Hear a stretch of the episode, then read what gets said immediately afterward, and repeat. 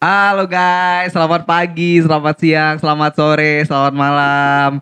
Perkenalkan, gue Faus Akbar Ramadan dan ini teman gue. Itu bagus Hafid Pringgalaya anjay. Jadi gue dipanggil Fawas.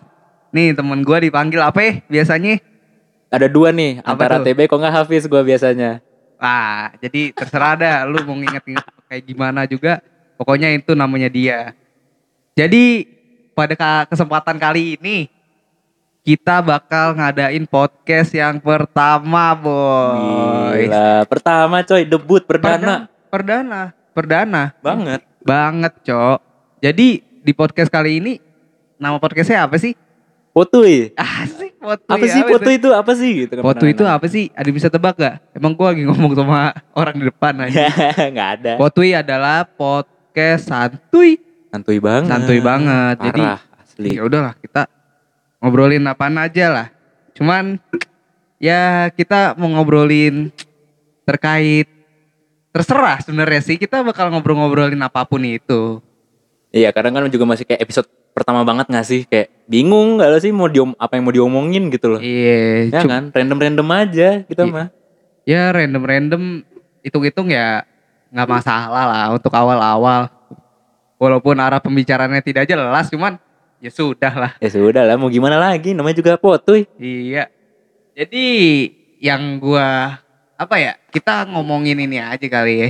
Kita ngomongin eh, balapan ya.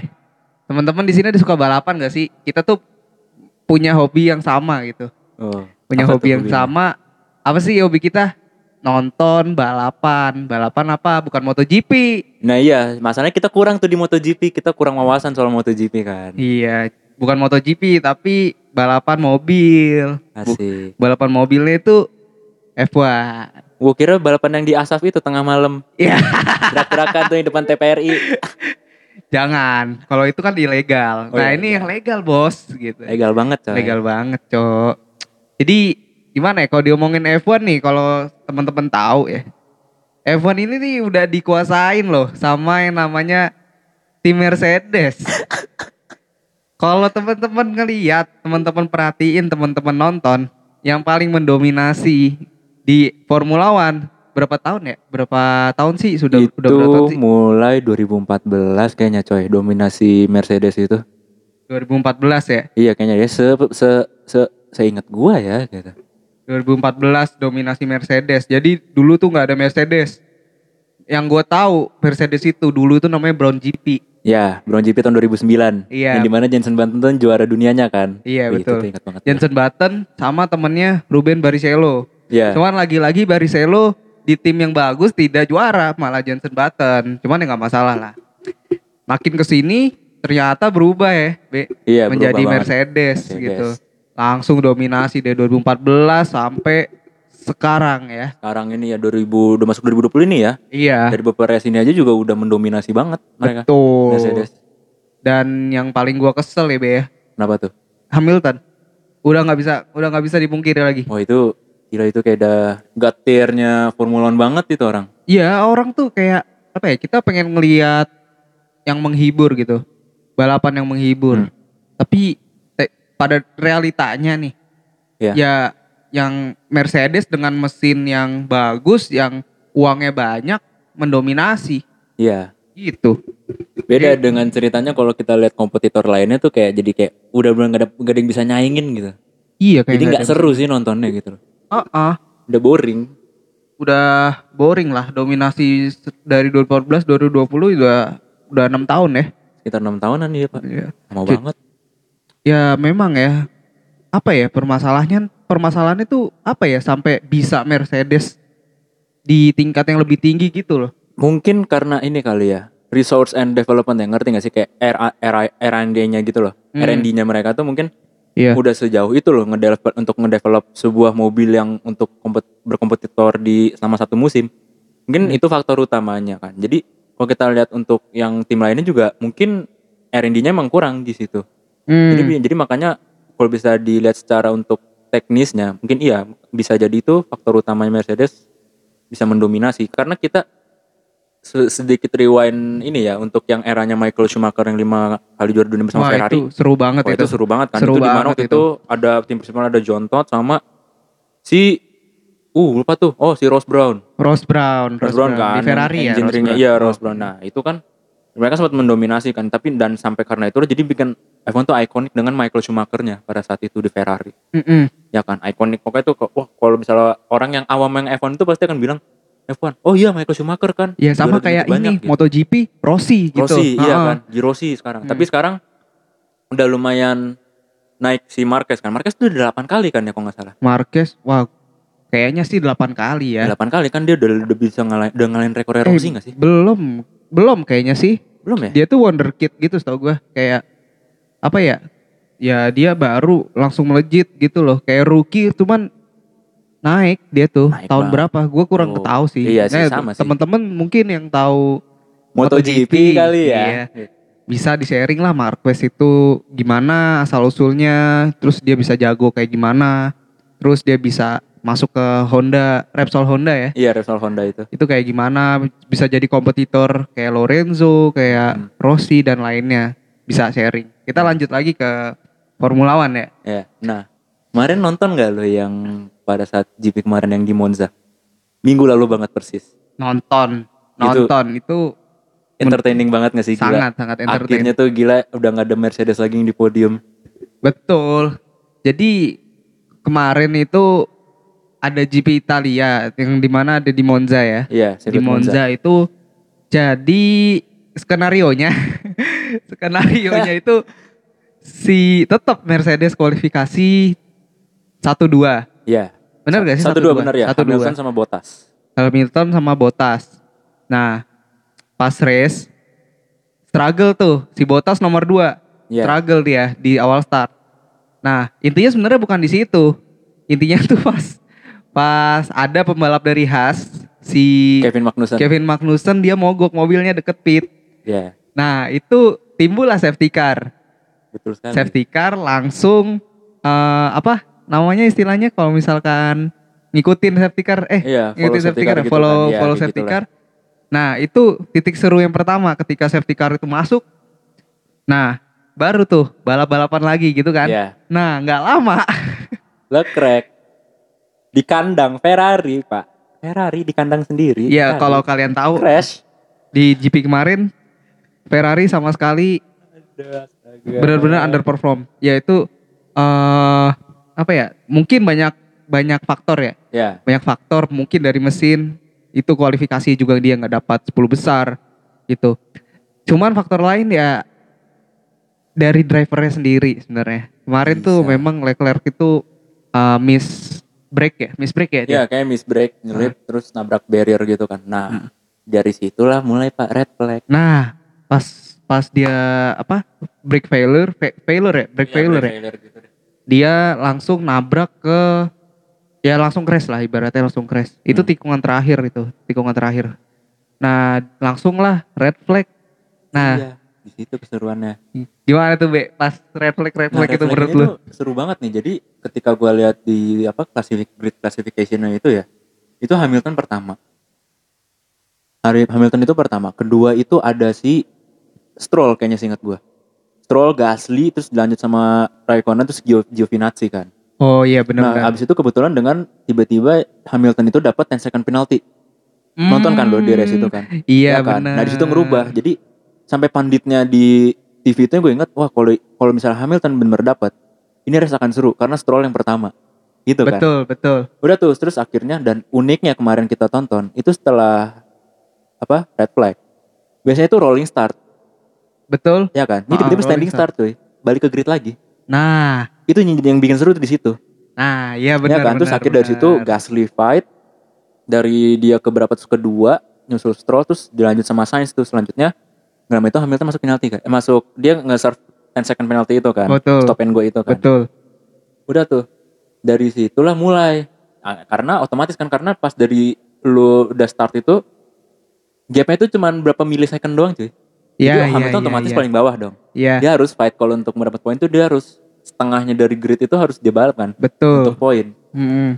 Nah, ke- keseruannya adalah di sini di mana Gasly ini ya jadi kalau kalau gue lihat Gasly Gasly itu salah satu pembalap yang di mana tuh bisa menginspirasi gua sih sebenarnya.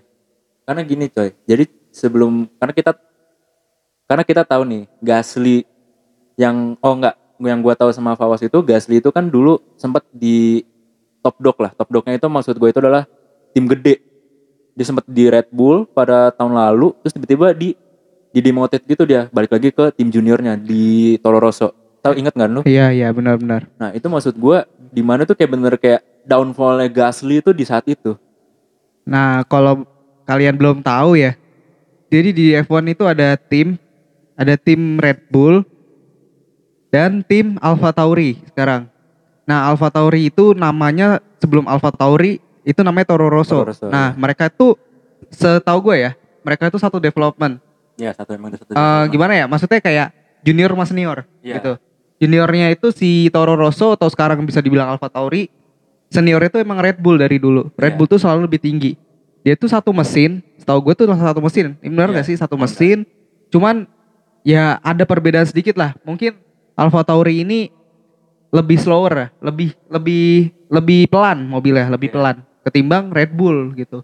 Nah karena mungkin satu development itu, nah eh, tidak memungkinkan untuk apa ya berganti posisi yang tadinya di Alpha Tauri berubah menjadi ke Red Bull Iya. gitu. Yang dari Red Bull di di apa demoted ya, dia demoted gitu demoted balik ke Alpha Tauri Iya. gitu.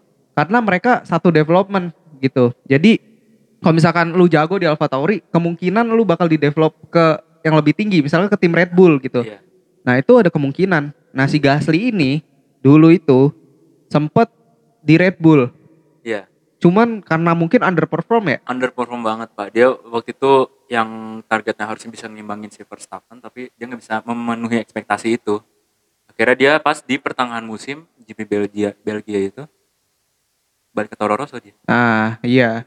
Jadi ya kayak gitulah underperform. Cuman dia akhirnya membuktikan ya Iya. dengan mesin Toro Rosso yang lebih pelan. Cuman dia membuktikan bahwa dia dirinya pan- apa dirinya pantas gitu Hmm. menurut gua. Nah kita balik lagi nih ke sirkuit Monza nih. Kemarin udah tuh abis red flag. Oh iya sebelum sebelumnya si Hamilton nih kenapa bisa 10 second penalti? karena menurut pandit yang gue tahu ya dan gue baca di forum juga jadi tuh waktu itu ada jelas replay sih. Jadi di replaynya itu ada indikator lampunya gitu safety car gitu. Nah, dan kata panditnya itu kalau dia apa indikator lightsnya itu ada warna merah ya. itu artinya adalah pit entry-nya itu close. Lu nggak boleh masuk ke pit. Hmm. belum boleh waktunya. Mm-mm. nah ketika itu cuma hanya indikator lightsnya itu kuning nah itu lu boleh. Nah Hamilton itu masuk pada saat indikator lightsnya itu merah. Dan dia kenal lah di situ. Iya. dan second stop and go penalty-nya itu dan dia dari situ Jadi intinya dia melang- melanggar lah, dia belum. Jadi di F1 tuh banyak rules ya sebenarnya ya, Iya, banyak banget Yang- complicated banget complicated lah. Jadi gue juga nggak tahu itu awalnya juga gue nggak tahu kenapa Hamilton. Cuman pas di replay ulang gue ngeliat ya emang bener dia ngelanggar gitu. iya emang Kayak ada peraturan yang nggak boleh masuk pit dulu gitu, nggak boleh lu ganti ban. Misalkan abis crash, cuman eh, lampu pit itu dia masih merah kayak iya. masih merah artinya lu nggak boleh masuk. Nah si Hamilton nih pas sirkuit Monza kemarin dia masuk pit cok. Iya Kak. masuk pit dan itu emang belum diizinin sama FIA iya sama FIA Ah. emang belum sama stewardnya itu Ah. kan. Makanya dia dapat 10 second ya? Ya 10 seconds. 10 second penalty. Yang di mana ya itu terserah dia sebenarnya terserah apakah dia pengen selesaikan balapan dulu entah itu dapat dikurangin 10 10 detik atau mungkin dia ambil pit dia ambil 10 detik itu di dalam pit gitu iya dan yang menariknya itu adalah Gasly Oh iya bener guys. Alfa Tauri karena yang terakhir itu adalah Sebastian Vettel pada tahun 2008 di tim Toro Rosso Iya. juara di Ini Monza unik di ya. sirkuit yang sama unik banget hmm, unik. Jadi ketika Hamilton turun, nah di situ Gasly yang di belakangnya persis itu menjadi nomor satu karena si Hamiltonnya nah penalti. Nah dia dominasi sampai akhir, iya dominasi sampai akhir dan akhirnya jadilah dia finish pertama. iya Nah habis itu disusul sama siapa itu Be? Carlos Sainz terus ada sama Stroll Nah gitu. ketiga ya Jadi ya menarik sih ketika kita bisa melihat gitu ya. Kita bisa Ah. ngelihat Hamilton Bottas gitu. Iya. Nggak ada di podium. Nggak, kayak kita iya. sebagai fans Formula 1 ya dari kecil ya. Iya. Itu kayaknya seneng banget Seneng gitu. banget nyata Ah. akhirnya kayak tim yang di mana itu bisa dibilang kita bilang midfield, Ah. papan tengah itu podium satu tuh kayak yang suatu banget gitu loh. Iya benar-benar. Emang kalau misalkan kita ngelihat eh driver yang di midfield ya, kayak kalau misalkan dia menang tuh kayak seneng banget gitu. Padahal bukan jagoan kita gitu. Iya. Karena ada setiap pokoknya setiap eh setiap tahun pasti ada yang ngedominasi salah satu tim. Pasti. Cuman ya Mercedes ini emang dominasi lama sih menurut gue. Iya, terlalu lama banget dominasinya. Nah, kalau untuk bahas ini kemarin Monza ini sebenarnya gue lebih tertarik untuk bahas si Gasly-nya, sorry. Oh Gasly-nya ya. Gasly nih ya, yang tadi kalau kita udah ceritain sebelumnya, Gasly ini kan sempat di Red Bull dan dia di drop ke Alfa Tauri. Mm-mm. Dan di waktu yang bersamaan itu juga was, Hmm.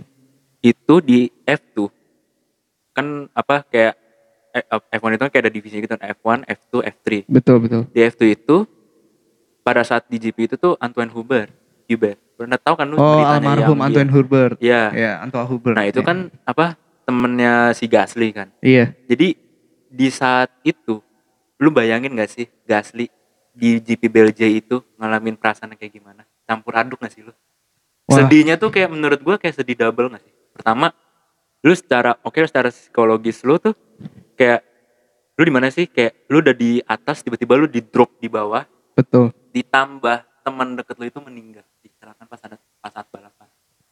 Pada saat balapan itu kecelakaan si Antoine Hubert. Bayangin itu double dia double nyesek di hari yang sama. Bayangin gak lu? Terus Hmm. akhirnya kita eh, agak sedikit go forward sampai di GP Brazil Gasly podium 2. Itu senangnya minta ampun karena benar-benar dia untuk untuk dedikasiin race itu untuk temennya gitu. Ya gila si Gasly dan Hubert itu sampai segitunya gitu temenannya gitu. Sampai benar-benar ngededikasin kayak ya this one's for you, this one's for Antoine gitu gitu. Oh iya ya iya. kan? Terus akhirnya kita forward lagi sampai ke Monza, dia podium pertama. Gila, lu bayangin gak sih itu kayak downfall Gasly. Ah, Dia sampai fight, fight, fight, fight sampai dia podium pertama itu menurut gue menginspirasi untuk orang-orang sih. Jadi kayak ya udah gitu loh. Lu kayak ini sama aja kayak di Gasly itu kayak di apa ya kayak real Hmm. life gitu loh. Ngerti gak sih? iya iya Kayak iya. ketika ada suatu permasalahan yang buat lu down, Hmm, ya lu punya cuma dua punya dua pilihan gak sih? iya iya. Either lu fight atau lu atau lu flight. Benar Ya benar kan? banget. Oh, Nah, kemarin ini gua ngeliat contohnya kasusnya Gasly, dia lebih milih flight. Hmm. Eh flight, fight, sorry. iya iya. Lebih milih fight. Lebih milih apa ya? Lebih milih dia tuh berjuang gitu. Berjuang apa yang dia apa targetin tuh dia ambil gitu. Iya. dia dia ambil dan dia akhirnya memaksimalkan ya itu memaksimalkan kesempatan menurut gue ya. Ah, jadi kayak Gasly ini kalau yang bisa gue pelajarin ya. Iya. Jadi sebenarnya ketika lo lagi nggak ada di masa-masa kejayaan lo ya lo harus fight gitu untuk sampai di saat it- titik itu lagi. Iya, Kayak iya, kayak roda perputaran kehidupan aja gak sih? Aha. Berputar gitu. Kadang lo di atas, lo di bawah. Ketika lo di bawah ya lo harus fly, harus fight kan. Hmm, untuk Hmm. sampai di atas lagi gitu dan ketika lu udah di atas ya ya lu harus siap lu harus prepare for the worst ya kan seperti kayak Gasly alamin kan betul. dia di motor ke Alfa Tauri terus akhirnya dia sampai sekarang kemarin podium pertama tuh kayak menginspirasi banget gitu loh nah ini Iya. tuh jadi kayak udah kayak apa ya itu mungkin untuk secara di olahraga tapi dan itu banyak banyak kejadian gak sih kayak untuk keseharian orang seperti itu bener. either lu lagi di suatu misalnya kayak lu di kampus kan tiba-tiba entah itu nilai lu turun gitu atau kayak kayak di kantor kayak misalnya lu tiba-tiba bos lu ternyata banyak permintaan atau gimana kan nah itu Nah, menarik tuh Ya itu harus patut dicontoh ya menurut gue sifat dari eh sikap maupun apa ya dedikasi ya. Ntar yang gue lihat adalah dedikasi sih, dedikasinya dia. Ya dia fokus sama apa yang dia tuju gitu. Kerennya ini dia memaksimalkan. Yang gue Iya. yang kerennya tuh dia memaksimalkan. Banyak driver yang menurut gue kayak dia jatuh eh maksudnya dia di tim yang mungkin yang slow gitu ya. Ya yang mesinnya slow cuman dia ya udah dia kayak nikmatin zona nyamannya aja. Dia makan gaji gaji buta gitu. Iya. kayak lu cuman formalitas kayak eh ya udah nggak ada yang gua perbuat lagi nih dengan mesin seperti ini Iya, gitu kayak yaudah gue balapan buat duit aja gitu. Iya, cuman ya udah ntar juga dibayar gitu kan. Iya. Cuman kalau si Gasly ini mungkin dia memaksimalkan gitu. Iya. Maksimal banget ini mobil. Soalnya temennya sendiri ya si Kvyat ya Iya, juga nggak performnya segitu-segitu aja. Beda Ah. sama Gasly. beda, Yang- beda banget. Yang apa namanya yang ya notabene ya dia kalau misalkan kualifikasi kadang juga masuk Q1. Iya. Q3, Q3, sorry, Q3. sorry, Q3. ha. Masuk Q3. Kalau temennya si Kvyat mungkin masih kurang sih menurut gua. Dia, dia emang udah lama sih. Cuman ya gitu-gitu aja menurut gua. Hmm. Ya pantas sih. Apa ya? Gasly ini pindah gitu. Menurut gue ya. Iya. Gasly ini cocok untuk pindah tim karena dengan potensi yang ada Iya. dia nggak bisa di, di apa namanya di situasi yang di mana timnya mungkin nggak ngangkat kalau menurut gue ya. Iya. Soalnya kemarin aja dia menang itu ya mungkin yang gue lihat ya hebatnya dia mempertahankan posisi gitu. Itu susah banget yang mempertahankan posisi selama beberapa lap itu susah. Susah. Itu kalau kata ayah gue itu bermain mental sebenarnya. Mental banget. Ketika beda nih, misalkan drivernya mungkin bukan Gasly, mungkin Kvyat bisa aja dia kesalip cepet gitu. Karena beda karakternya gitu. Kalau karakter fight ya dia harus dia memperjuangkan apa yang dia udah dapat gitu Yes. jangan menyanyiakan. Bahkan Carlos Sainz pun nggak puas di posisi kedua Iya. karena kedua orang ini yaitu punya emang emang sti- emang tipenya fight gitu. Cuman ya mungkin keterbatasan mesin, keterbatasan ban, Iya. ban juga mempengaruhi ya teman-teman. Jadi kalau misalkan tahu ban itu pasti aus banget gitu dan mempengaruhi kecepatan lu gitu. Yes. Sangat setuju. Nah, itu makanya Gasly ini perlu banyak eh banyak pertimbangan untuk bannya cuman ya dia perhitungan yang matang se- sehingga ya bisa finish Iya. menurut gua. Nothing tulus banget Nothing Gasly. tulus. Nothing iya. tulus banget ya. Ah, ah, nothing tulus. Nah, terus ah oke lah kalau misalnya Gasly. Kita nggak tahu nih ke depannya apakah ada underdog lagi yang bakal bisa menang ke apa GP berikutnya ya. Iya. Nah, kalau ini menariknya adalah kayak balik lagi ke setiap driver kali ya. Kalau untuk individu dan sebenarnya balik lagi ke mo- mobil sih sebenarnya kayak gimana. Cuman gua gua nggak ngerti ya semenjak gue ngeliat Gasly itu Hmm. itu kayak wah ini ini jadi kayak gue tuh jadi kayak ke mana-mana gitu loh kayak wah kayak ini bukan sekedar dia balapan tapi benar-benar kayak ngerti gak sih lo kayak di kayak ga- di dirinya Gasly tuh kayak benar-benar kayak lihat jadi kayak ini loh gak sih kelihatan karakternya dia Iya, gak sak sih Betul betul betul. as a person outside occupationnya dia Hmm. Ya kan mental fight kayak gitu tuh yang kayak oh gila nih gue udah yo fight fight fight gitu kan Tahu gua tahu. Nah itu jadi gue kayak udah kalau untuk kayak ini jadi kayak wah ini gue sampai bahkan sampai sekarang tuh ya untuk Gasly kayak wah ini orang ini gila es gue penasaran as a person dia itu keseharian kayak gimana sih? Ah iya iya menarik, menarik menarik. lo? Kalau untuk gas, seorang Gasly kan dari yang kita ceritain itu kan dia dari mana dia downfallnya dia itu gue nonton kan setiap race-nya itu terus sampai dia podium tuh kayak yang suatu kayak wah banget gitu loh kan meskipun Hmm. dia ada faktor luck ya Ya bisa, betul bisa betul. kita bilang faktor betul. luck cuman apa ya yang kalau gue ngambil sisi lainnya Hmm. ini as a person menarik sih ini orang Gasly ini menarik nah jadi kalau untuk yang gue gali ini ya sedikit seorang Gasly Hmm. Kayak wah gue amazed banget sama itu orang gitu Gimana tuh? Kalau kalau lu tahu ceritanya sabit tuh. Kayak gimana? iya yang tadi gue bilang kan lu kayak gini deh Hmm. untuk perumpamaan lainnya misalkan nih Hmm. eh lu ada di di mana kayak misalnya kayak ada suatu pertemanan dekat kayak misalnya nih gue sama Fawas nih ya, Iya kan? iya. ya kan kita dari kecil main bareng Hmm. apa apa bareng sampai sekarang pun kita masih bareng gitu kan Iya. kita berdua nih terus tiba-tiba ada suatu momen di mana either gua atau lu meninggal. Das. Ya kan teman dari kecil meninggal. Iya. uh heartbreak lu. Lu bisa nangis Iya, semalaman Iya ya kan ketika a close friend lu meninggal dan dengar di dunia itu ya, gimana sih pasti lah, perasaan lu? hati lah. Maksudnya Kayak- kayak, dan lu tuh jadi Hmm. kayak ke mana-mana gak sih? Kayak pikiran kayak wah gitu kayak bener nggak kayak ngawang-ngawang nggak fokus Iya. gitu loh. Kayak gue nggak gue bahkan tuh even gue nggak bisa ngebayangin hmm. di saat itu karena gue belum eh Iya. gue ada sih sempat sih punya temen yang deket dan udah pernah dan meninggal ada sih cuman kayak ya udah gitu kayak karena gue nggak terlalu deket kan Cuman Ah. kalau untuk kasusnya gas ini kan bener close banget terus dia harus tetap ikut balapan dan sampai Betul. di podium itu kan berarti dia harus punya mental yang kayak yang, wah gila udah nih kayak Iya. kayak gini nih apa perumpamaannya nih ya Iya. perumpamaan itu adalah lu boleh nangis lu boleh bersedih lu boleh berduka tapi jangan terlalu lupa berlarut jangan jangan lupa untuk bangkit ya. Iya, lu kalau lu berla- kalau lu terlalu kelamaan larutnya, Ah, ya udah lu nggak, ya udah lu akan akan di situ-situ aja nggak sih? iya betul tetap tetap kayak lu tuh karena terlarut saking terlarutnya ya lu jadi mental lu ya jadi down terus gitu loh. iya, jadi kayak ya udah gitu lu cuma jadi kayak Hmm. kayak yang entah either lu flat atau gimana jadi kayak ya lu gitu-gitu aja gitu lah. Nggak- nggak Betul. berkembang Gak berkembang. Sebenarnya itu masuk ke ini sih. Kalau kita ngomongin psikologis ya, Iya, itu kan mental ya, mental kesedihan. Iya, Ya itu juga termasuk keberdukaan coy. iya, emotions lah itu. Iya. Nih, gua ada nih ya. Gua ada nih. Tuh? baru baca nih Kenapa, kenapa, kenapa? teori nih. Teori tipis. Apa tuh? Jadi dibilang gini.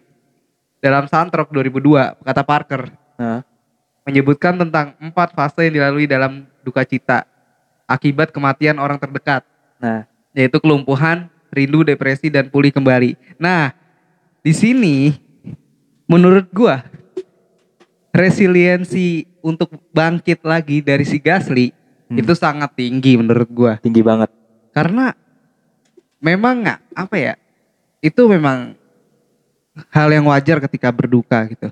Hmm. Cuman untuk mencapai kebangkitan itu sangat sulit menurut menurut gue pribadi. Cuma si Gasly ini memang hebat dan profesional tentunya. Ya. Nah Jadi- itu profesional. Gue jadi inget kata-kata profesional itu adalah dari gua gua kuliah tempat kampus gua. Gimana tuh? Kampus gue itu adalah waduh gue nggak mau terlalu nyebutin ya. Pokoknya tuh apa kayak kampus gue tuh menerapkan nilai-nilai itu loh. Jadi salah satunya adalah profesionalism. Profesionalisme ya. Iya, jadi lo profesional dalam bekerja. Nah itu. Jadi kayak apa ya? Gua kayak jadi kalau untuk bahas soal profesional tuh emang bener-bener sih kayak kampus tuh bener-bener kayak ngedevelop lu untuk menjadi lebih baiknya sih dalam lu as a person. Iya Iya. benar. Ma- Iya kan? Karena membentuk membentuk ya. Maksudnya membentuk diri lu lah. Membentuk diri lu gimana eh, banyak manajemen-manajemen yang harus lu kembangkan di di apa namanya di kampus salah satunya ya profesional itu. Iya. Salah satunya profesional itu. Karena apa ya? Ya lu belajar aja gitu, belajar profesional. nggak apa-apa lu salah. Karena menurut gua kampus itu adalah tra- eh, apa saat-saat terakhir lu melakukan kesalahan. Iya. Lu setelah lu lepas dari kuliah, lu harus gimana caranya lu harus profesional. Apa yang udah lu latih di kampus, apa yang udah lu eh, apa namanya? Lu Dapet. udah kembangkan, Ah. yang paling dapat insight-insight yang lu dapat gitu. Itu ntar bakal digunain ketika lu udah lulus mau nggak mau itu harus digunain karena itu bekal yang menurut gua bagus. Bagus banget. Iya. Apalagi tentang profesionalisme. Ntar lu Iya. kerja harus profesional, nggak bisa kayak males-malesan lu kayak kampus mungkin lu absen gitu-gitu atau mungkin lu malas masuk itu udah kagak profesional sama sekali. Nah iya, dari profesional itu adalah gue jadi belajar nih ya. Iya. Eh gue pernah ada suatu di mana di lingkungan yang kayaknya tuh nggak ada profesionalnya. Oh gitu. gue nggak mau nyebutin itu kapan dan tahun kapan tapi ini gue kayak ngasih gambarannya aja a big picture-nya gitu Hmm. gue pernah ting gue pernah tinggal di lingkungan yang di mana tuh profesional itu nggak ada sama sekali Oke. jadi kayak gimana tuh? istilahnya ini nggak sih yang kayak contohnya deh misalnya nih lo Hmm. seorang apa desainer Oke. karena gue temen lu Ah. ah. inilah yang udah paling common banget ngerti gak sih lo harga temen dong Oh, iya iya itu iya. udah paling common banget kan harga temen dong Mm-mm. ya, lu gak bisa kurangin kan kita temen nih dari Ah. situ penerapan profesional aja kita udah nggak ada nah gue pernah tinggal di dengan kayak gitu kayak eh lu kan Betul, temen gue bantu gue lah nih nih Iya, nih, iya. murahin kayak turunin ini ini Ah, maksud gue gini loh yang ketika lu udah nerapin apa itu profesional betul. Gimana tuh? dan lu kalau udah nerapin apa profesional itu Hmm. mau lu temen dari kecil dari orok dari bayi Hmm. ya ketika ya lu harus bisa bedain gitu loh mana di saat lu lagi kerja di mana dan di mana saat lu kayak lagi nggak kerja gitu ngerti gak sih kayak misalnya lu lagi kerja nih soal as a designer Betul. ya gue tetap bayarnya dengan sesuai yang udah lu taruh harganya as a designer Iya. ya kan karena gue temen jadi gue harus tetap profesional dong kayak oh yaudah ini pekerjaan dia gue harus menghargai dia as a worker gitu loh ya kan? Iya. nah itu dari penerapan profesional inilah gue jadi kayak dan gue pas tinggal di kayak di lingkungan yang baru itu kayak benar mendukung banget untuk menjadi prof- seorang yang profesional gitu loh. Lu kayak kayak gue diajarin ya harus bisa bedain lah mana yang lu lagi kerja dan mana lu lagi enggak yang mana lagi santai. Lu harus bisa bedain itu hal itu. Nah jadinya kalau lu ini yang gue tangkap ya Hmm. yang gue tangkap dan Iya. ini dan, dan ini dan menurut pribadi gue juga sih Ah. eh kalau lu kalau kita sebagai orang itu nggak profesional jatuhnya jadi kayak nge- ngentengin orang gak sih Iya, menurut gua apa ya? Ya nggak menghargai, nggak eh ya mengentengi, ngeremehin Iya gitu loh. Kayak apa ya? Lu beda konteks gitu. Konteks tuh harus lu bedain menurut gua. Mm-mm. Ya kalau dengan cara kayak gitu ya mungkin ya gue juga nggak suka sih digituin ketika kan? gua. Ah ah. Kayak lu tuh nggak menghargai apa pekerjaannya dia sama saja seperti itu sebenarnya Mm-mm. kayak nggak ngehargai lu minta-minta harga temen gitu-gitu kan yes nah itu walaupun itu sahabat lu atau kayak gimana ya lu seharusnya jangan begitulah menurut Hmm. maksudnya kalian tuh ya harus tahu konteksnya sedang apa. Mungkin kalau misalkan ya kalau misalkan hal kayak itu mungkin nggak bisa dipaksakan gitu. Misalkan si A minta harga teman si B ya si B berat hati pasti. Pasti. Karena ya itu udah harga saklek nggak jangan lu ubah-ubah gitu loh. Mengganggu profesionalisme aja kok kayak gitu sih menurut gua. Heeh. gitu.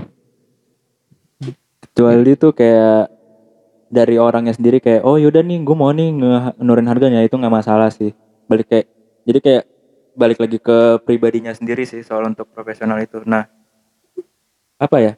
Kalau untuk dibahas soal untuk lingkungan yang pada saat itu gue tinggal ini cukup menarik sih. Wah kayak gimana tuh? Jadi eh sebenarnya emang ada salahnya gue juga. Ah. Ya gue memang maksudnya memang manusia sih. Mm, wajar sih tak luput dari apa kesalahan kan. Iya. Jadi wajar. waktu gue tinggal di lingkungan yang lama hmm. itu orangnya unik-unik coy.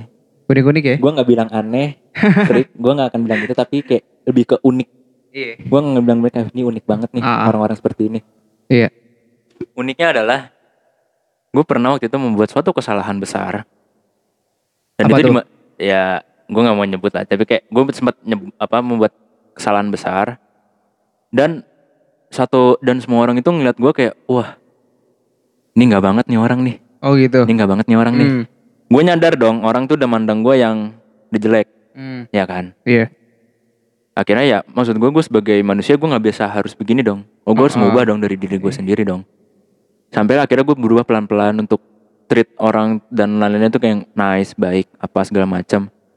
Tapi yang nggak bisa gue hilangkan adalah watak gue sendiri. Karena watak gue adalah banyak orang bilang pada saat itu kayak wah dia terlalu jutek nih jadi orang judes nih hmm. kayak pokoknya udah kayak udah kalau yang gue tangkap kayak orang tuh kayak udah oh enggak lu enggak lu enggak lu enggak lu enggak Hmm. gitu enggak deh lu enggak deh lu enggak deh gitu iya jadi kayak apa ya gue juga nggak berusaha untuk apa sih kayak pencitraan untuk baik segala macam apa cuman maksud gue ya gue juga harus ya namanya proses nggak sih untuk menjadi yang lebih baik Benar, gitu benar. ya kan hmm. masalahnya adalah lingkungan gue ini oh. Sudah bias. Oh sudah bayar Emang. sudah bias pak. Susah pak. Hmm. jadi kayak gue mau gimana kayak ah tetap aja dia kan jutek orangnya. Ah judes nih orangnya. Ini ini ini ini ini, ini gitu kan. Jadi kayak Ah. ya udahlah. Iya. Kayak ya udahlah. Dan dan nyeseknya gue adalah kayak kayak udah nggak orang tuh kayak udah gak ada yang percaya sama gue iya. Di posisi yang seperti kayak uff, parah pak gue pernah ada di tahun berapa itu bener-bener the downfallnya tuh bagus Hafid Springgalaya itu di tahun itu gue ingat banget jadi efek domino itu waktu lu apa lu lagi beranjak apa nih SMP SMA Apa Eh, mungkin kuliah remaja akhir sih gue bilang. remaja akhir ya. Oh iya. Iya remaja akhir lah. Kayak pas saat eh, remaja akhir itu, itu benar gue ngerasain di the downfallnya gue itu efek domino pak. Iya iya. Paham Jadi- paham. Jadi kalau gue mau kalau gue mau cerita efek dominonya itu, jadi gue pernah ada tiba-tiba putus dengan suatu hubungan dengan seseorang. Oh iya ini kita ambil contoh yang ini ya. Iya kayak Oke. tak jatuh oke. nih. Hmm. Terus tiba-tiba ikut tuh pak domino yang lain kayak lu tau gak sih kayak efek domino tuh kayak krrrr tahu gitu tahu kan. kayak lu kena satu tuh kayak Langsung berderet semua. deret gitu. semua kan. Efek domino. Nah, iya. itu. Ah. Jadi ketika itu terus dengan lingkungan gue yang begitu dengan tiba-tiba orang kok jadi begini-begini nih. Gue sampai ngerasa waktu itu ya gue punya sih temen tetap ada. Hmm. Tapi saking apa ya saking gue efek dominonya itu hantam gue keras banget. Itu gue sampai kayak nge-repress. Eh nggak nge-repress, suppress. Iya. Sampai gue nge-suppress. Hmm. Nge-suppress itu dengan cara adalah yaudah gue ngawang-ngawang aja di kamar sendiri nggak tahu ngapain gak ada kegiatan. Bener-bener the downfall gue tuh efek domino gue tuh pada saat itu tuh kayak gitu gitu loh. Wah Oh. gila gue sampai di mana enek kayak oh yaudah nih gue memutuskan untuk kayak ya udahlah gue enough kayak tok ngomong sama orang kayak yaudah mau ngomong juga sia-sia gak sih? Kayak orang gak ada yang percaya sama lo. Kalau gue mau teman gue ya gue juga nggak mau ganggu kesibukannya dia. Ya mungkin Hmm. gue juga terlalu overthinking juga sih kayak sampai gue mikirin ah gue takut gak enak nih sama teman gue kalau gue ngeluh apa segala macam jadi gue bener nge nge suppress aja gitu kan. Iya. udah tuh sampai akhirnya setahun terakhir gue ditinggal di lingkungan lama itu ya udah kayak orang-orang bener-bener udah nggak ada yang mau sama gue ibaratnya. Gue jadi bener literally sendiri banget independen banget kayak ya udah lu ngomong-ngomong gue ya ayo. Kalau nggak ya udah kita diem aja. Gue sampai bener ngejabanin kayak gitu loh kayak ya udah gitu loh Hmm. kalau nggak mau udah ya, ya it's okay lah gitu loh gue juga ya gue masih ya udah gini aja lah gitu loh ngapain juga lo apa yang mau cari juga dari gue sampai Oke. akhirnya ketika gue udah masuk lingkungan baru nih Hmm. masuk lingkungan baru gue benar-benar di situ buat apa kayak eh lembaran baru istilahnya Tabula rasa. ya semacam itulah tabula rasa Hmm. jadi kayak ya udah ya udah nih lembaran baru gue mau ninggalin yang lama ya udah yang lama terserah. Kalau ada yang mau dimaafkan ya ya udah. Kalau nggak ada ya udah. Terserah mau either kita mau lupakan atau suatu saat waktu akan menjawab untuk ngebahas apa kejawablah itu semua jawaban itu. Tapi kalau gue ingat-ingat lagi jadi kayak ya kayaknya nggak semua pertanyaan tuh harus dijawab juga nggak sih pada saat yang akan datang? Iya betul betul. Gak pasti. Ya. nggak pasti kan? Nah itu jadi kayak ya udahlah kita gue buat lembaran baru sendiri mulai lagi dari nol kayak ya udahlah kayak lingkungan baru nih di New Me lah barulah buat lembaran baru nih Iya. ya kan Lembaran baru. Ya apa ya?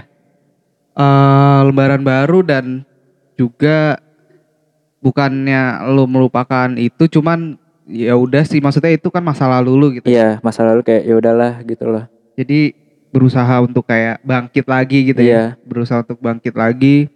Di mana lu ketemu teman-teman baru, di mana lu punya lingkungan baru, lingkungan yang lebih ya lebih worth it lah buat diri lu gitu ya. hmm.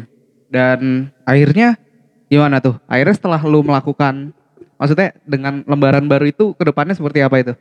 Nah, gue nggak nggak terlalu expect terlalu tinggi sih Nah, Ya, untuk yang lembaran baru jadi kayak yaudah hadapin aja lembaran baru face it gitu loh hmm, fight aja lah ngapain Hmm. gue flight lagi kan betul. karena kalau flight lagi ya gue nggak tahu dong mau ke mana lagi Hmm. kalau gue flight ya kan Hmm.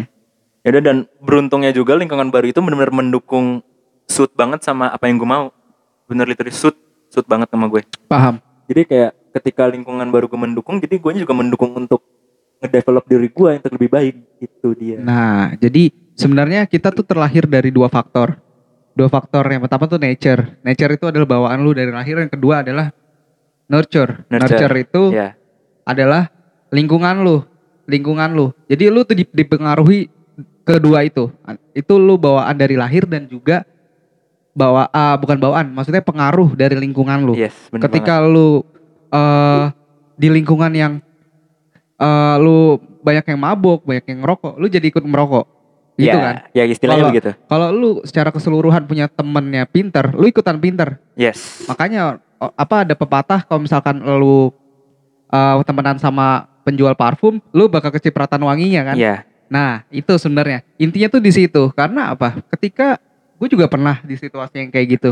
Cuman di sini gue lebih ya remaja akhir juga lah. Iya. Remaja remaja akhir juga. Jahir. Maksudnya ya di situ gue juga merasakan hal yang sama. Cuman mungkin nggak terlalu ekstrim ya. Iya. Karena gue masih bisa mengikuti arah Hmm. gitu. Walaupun gue nggak terlalu untuk mengikuti itu semua. Yes. Gitu.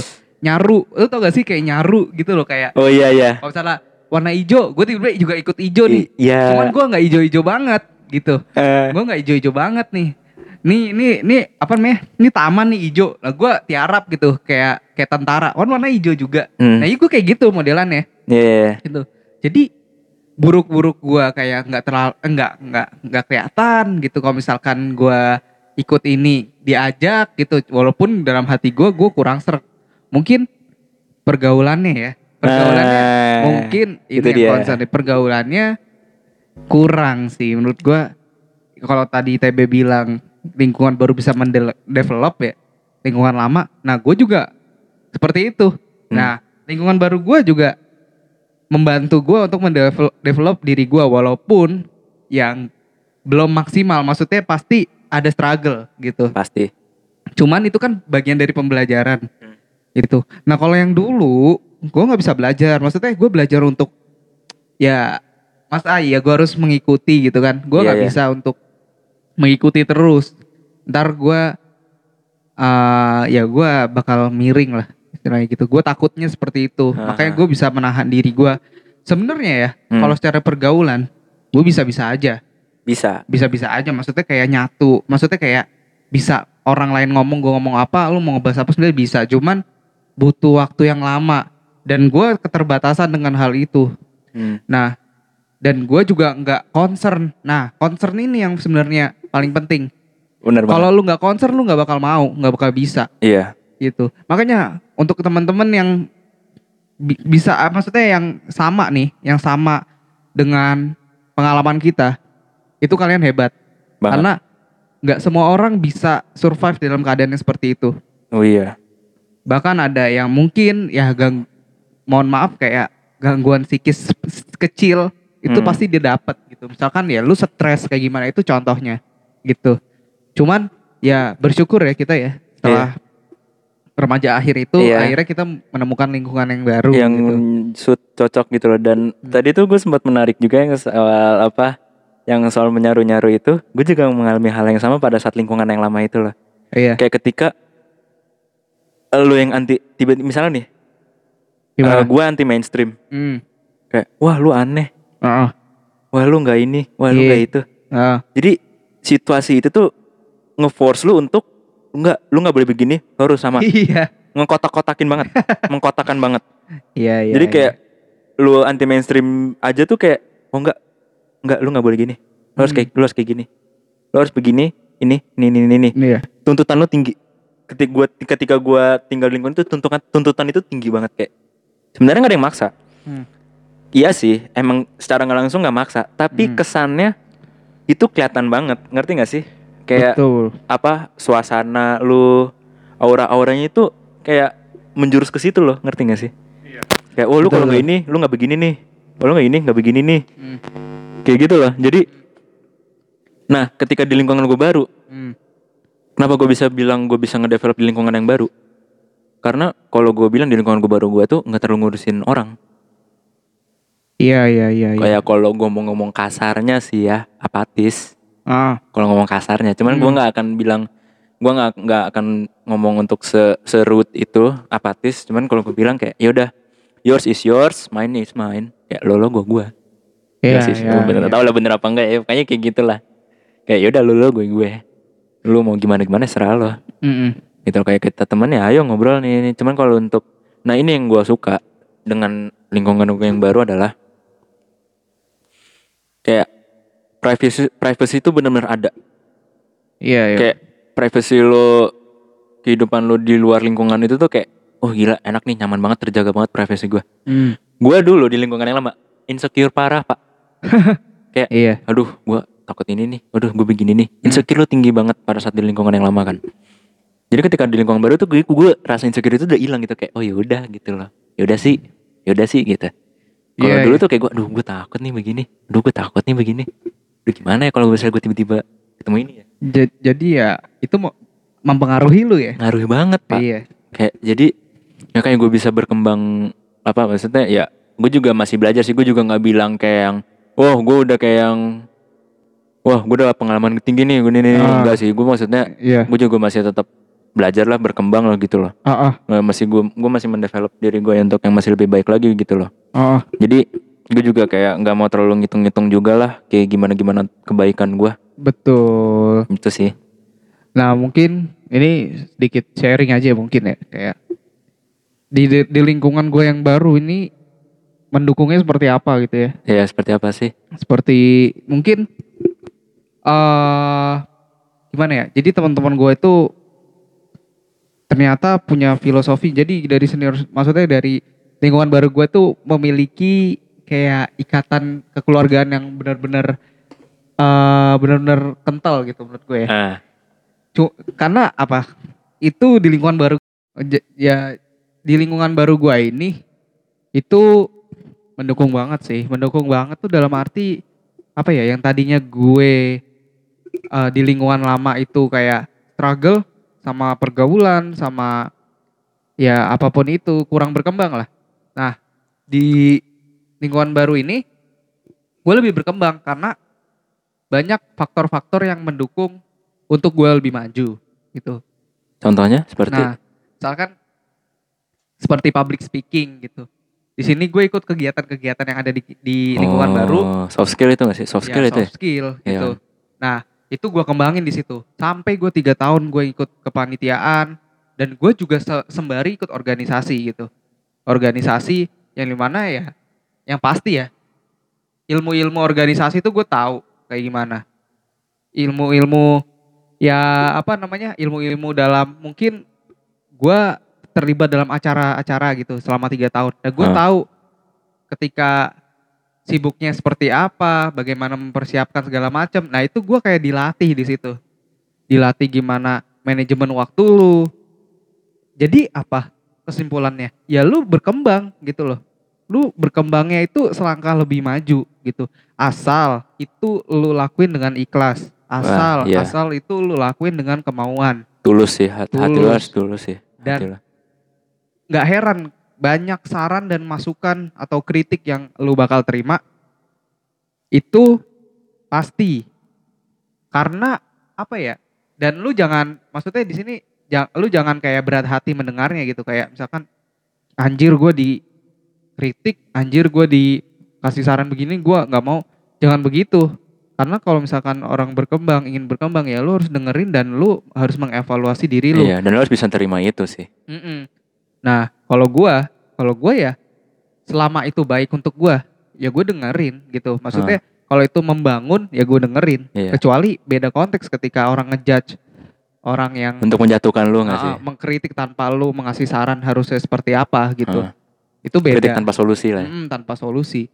Nah, yang gua temuin di lingkungan baru itu benar-benar ya nggak ada gitu. Itu benar benar-benar membangun membangun diri gua, mendevelop diri gua sampai saat ini gitu. Walaupun belum bukannya belum maksimal, masih dalam tahap perkembangan gitu.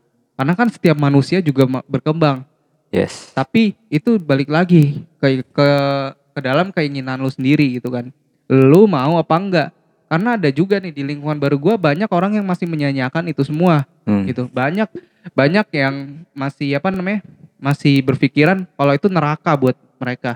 Padahal itu adalah satu-satunya apa ya? soft skill. Lu tuh bakal dapetin lebih ketika menurut gue ya, menurut gue pribadi iya ya lu ketimbang lu menyanyiakan hal itu lu lebih baik maksimalin kan maksimalin dan lu dapat banyak kok gitu ya memang dalam nggak dalam bentuk nilai ataupun ijazah gitu kan ya. Cuman di sini adalah nilai plus tersendiri untuk diri lu sendiri. Dan ketika itu ketika lu udah sampai di level lebih tinggi lu bisa ngajarin ke teman-teman lu yang mungkin belum punya pengalaman yang sebanyak lu gitu pengalaman-pengalaman baik lu bagaimana lu di tim lu di tempat bukan di tempat tuh dalam arti konteksnya bukan kayak lu ditonjokin di apa bukan. Maksudnya di sini di tempat dalam arti lu belajar lu mau salah gitu. Salah nggak apa nggak apa-apa itu oke dan Iya. lu dibenerin sama orang-orang di sekitar lu. Itu maksud gue yang di tempat Hmm. gitu. Ketika lu di tempat ya lu akhirnya menjadi orang gitu loh. Lu kayak latihan nge-gym lu jadi berotot gitu nah itu ototnya itu kalau dalam konteks ini lu bisa sharing-sharing otot lu gitu. Maksudnya kayak energi lu tuh lu bisa kasih tahu gimana caranya biar kayak gini seperti Hmm. itu. Nggak ada yang sia-sia. Yang gue yang gue rasakan ya pada saat ini adalah ya gue lebih maju gue lebih kayak eh public speaking gue lebih baik terus manajemen yang lainnya tuh lebih baik bagaimana gue ngomong sama yang lebih tua bagaimana gue Ah. menghormati yang lebih muda gitu. Janganlah lu gila hormat atau semacamnya itu juga diajarin gitu. Jangan sampai ya lu menjadi orang-orang yang menurut gue membawa vibe yang negatif gitu loh. Maksudnya ya lu selama hidup di dunia ini ya lu harus bekerja apa yang positif gitu loh. Yang penting dari kemauan diri lu sendiri kayak gimana. Seperti itu Menciptakan lingkungan yang sehat lah ya. Mm-mm. Jangan yang seperti itu karena outputnya nggak akan bagus coy. betul Nggak akan bagus outputnya kayak Betul. gitu. output nggak ada nggak bakal ada yang bagus gitu kalau lu gimana nih Be? maksudnya kayak ya lu mungkin dengan experience lu ya secara garis besarnya tuh seperti apa gitu mungkin yang lu udah dapat sampai saat ini di lingkungan baru lu bisa mungkin pendengar nanti juga bisa mengikuti bukan mengikuti sih ya menjadi referensi Referensi, lah, ya. referensi. Gue nggak bilang mau jadi follower tuh kayak Iya. referensi. Iya. iya Ya garis besarnya adalah ketika gue dapat lingkungan yang baru, gue jadi banyak banyak hal gitu, tahu banyak hal oke Halo. soal soal diri lu sendiri. oke Oke lah kalau di lingkungan lama gue lebih kayak yang menuju lebih ke, oh lu gimana sih caranya Hmm. jadi orang tuh interest sama lu, oh iya lu bisa nge-track orang itu gimana? Iya. Hmm. Dan untuk di lingkungan baru gue, itu gue jadi tahu diri gue itu siapa, diri gue sendiri itu siapa sih, apa sih yang gue mau gitu loh. Hmm. sama untuk apa goals gue dalam hidup tuh gue mau ngapain sih gue mau apa sih itu gue udah dapetin itu semua di lingkungan yang baru kan terutama itu yang paling pasti Oke. dan apa ya gue tuh lebih kayak balik lagi kalau mau balik dari awal tuh gue lebih seneng jadi kayak yang ya udah lu lo gue gue gitu loh Oh gitu ya. ya soalnya di lingkungan lama gue tuh apa ya privacy itu emang benar-benar nggak ada dan gue tuh nggak nggak suka gitu dan ketika ini tuh gue benar-benar kayak nyaman banget ya kan kayak apa maksudnya privacy lu tuh kayak "Oh, ya udah itu privasi nggak Oh, penting iya. Hmm. dia buat ditanya lah itulah urusan dia gitu loh Oh, oh. kayak gue gue kayak dapat suatu kutipan tuh kayak yang kayak ya udah gitu loh kalau surga buat gue belum pasti buat nggak buat apa juga gue ngurus, ngurusin neraka orang Iya betul. Keren juga ya quotes ya. Iya, Mantap. gue lupa tuh dapat dari mana tapi gue ingat banget itu kutipan itu mantap banget sih, gitu Ah. lah. Dan gue jadi emang itu kayak tadi gue bilang tuh salah satunya adalah profesionalnya profesionalisme itu, Oh iya benar. penerapan profesional dalam bekerja dan itu benar-benar ngaruh dan apa ya bikin kayak apa tingkat kehidupan lu tuh kayak meningkat gitu loh. Paham. Apa sih kayak tingkat kehidupan sih kok tingkat kehidupan sih gue bilang kayak apa ya kayak gitu deh kayak tingkat lu menjalani hidup tuh kayak bagus aja gitu loh Hmm. positif aja gitu kan Hmm. jadi eh kayak ya gitu Ya lu lebih positif lah gitu ya ke depannya. Kayak lu bisa memberikan vibe-vibe yang positif gitu. Ya mungkin itu mungkin itu saran dari kami gitu ya. Maksudnya ini bukan sebagai suruhan cuman ini menjadi referensi Ah, mungkin referensi dan acuan lah ya ya acuan lah. Ya mungkin dari Fawas 2020 sama TB 2020 mungkin bisa kalian referensikan. dan kita belum bikin jurnal Iya, iya. ya mungkin oh iya sekali lagi mungkin dari gua untuk teman-teman yang masih dalam lingkungan yang kurang baik ya ya gua cuman bisa bilang bersabar dan terus berdoa gitu. Berdoa dan jangan jangan lupa untuk berusaha berusaha untuk mencari di mana sih lo sebenarnya di mana sih lo eh, lingkungan lo yang sebenarnya sambil. Jangan sampai lu cuman hanya berdoa tapi lu nggak usaha. Itu balik lagi sih itu sebenarnya eh apa ya eh, filosofi gitu. Filosofi ketika lu mau sukses gitu. Sebenarnya sama aja yang dipakai gitu. Iya. cuman di sini konteksnya adalah lu ingin survive lu harus berdoa dan lu usaha gitu. Maksud gua ya mungkin kalau jalurnya gua ya mungkin ya al- alhamdulillah rezeki karena gua juga udah berdoa udah kayak mungkin udah terlalu sering juga di lingkungan yang buruk gua juga nggak nyaman. Ya gue juga sembari mencari gitu loh. Dan akhirnya menemukan juga gitu tempat yang gua sebutin tadi lingkungan baru itu sendiri. Mhm. jadi ya itu menjadi referensi aja buat teman-teman mungkin karena udah 50 menit ya Be ya? Iya, udah lama banget ya. Pegel gua ngomong. Iya. mungkin di podcast pertama kita mungkin yang dari F1 bisa dikaitkan ke yang lainnya gitu. Mungkin Iya. dari apa? improvement, improvement dari seorang Pierre Gasly itu menjadi cerminan. gitu. Cerminan banget. cerminan untuk ya teman-teman semua, gua TB dan lulu semua yang lagi nonton. Mungkin sekian aja dari Kok nonton? eh nonton. yang lagi denger Lagi denger ya, denger. biasa ya miss miss omongan lah ya mungkin sekian aja nih ya tapi kita belum ada tagline buat penutup nih Apa nih kira-kira? Lu maunya apa? potwi close the door ya sama kayak Dedi Enggak, kalau gua begini. sama 10 a- 10 9 8 7 6 5 4 3 2 1 open the door. Oh beda dong harus beda. Oke. Okay. Nah, garing garing ya, dah cut langsung cut. tutup aja, tutup tutup tutup tutup.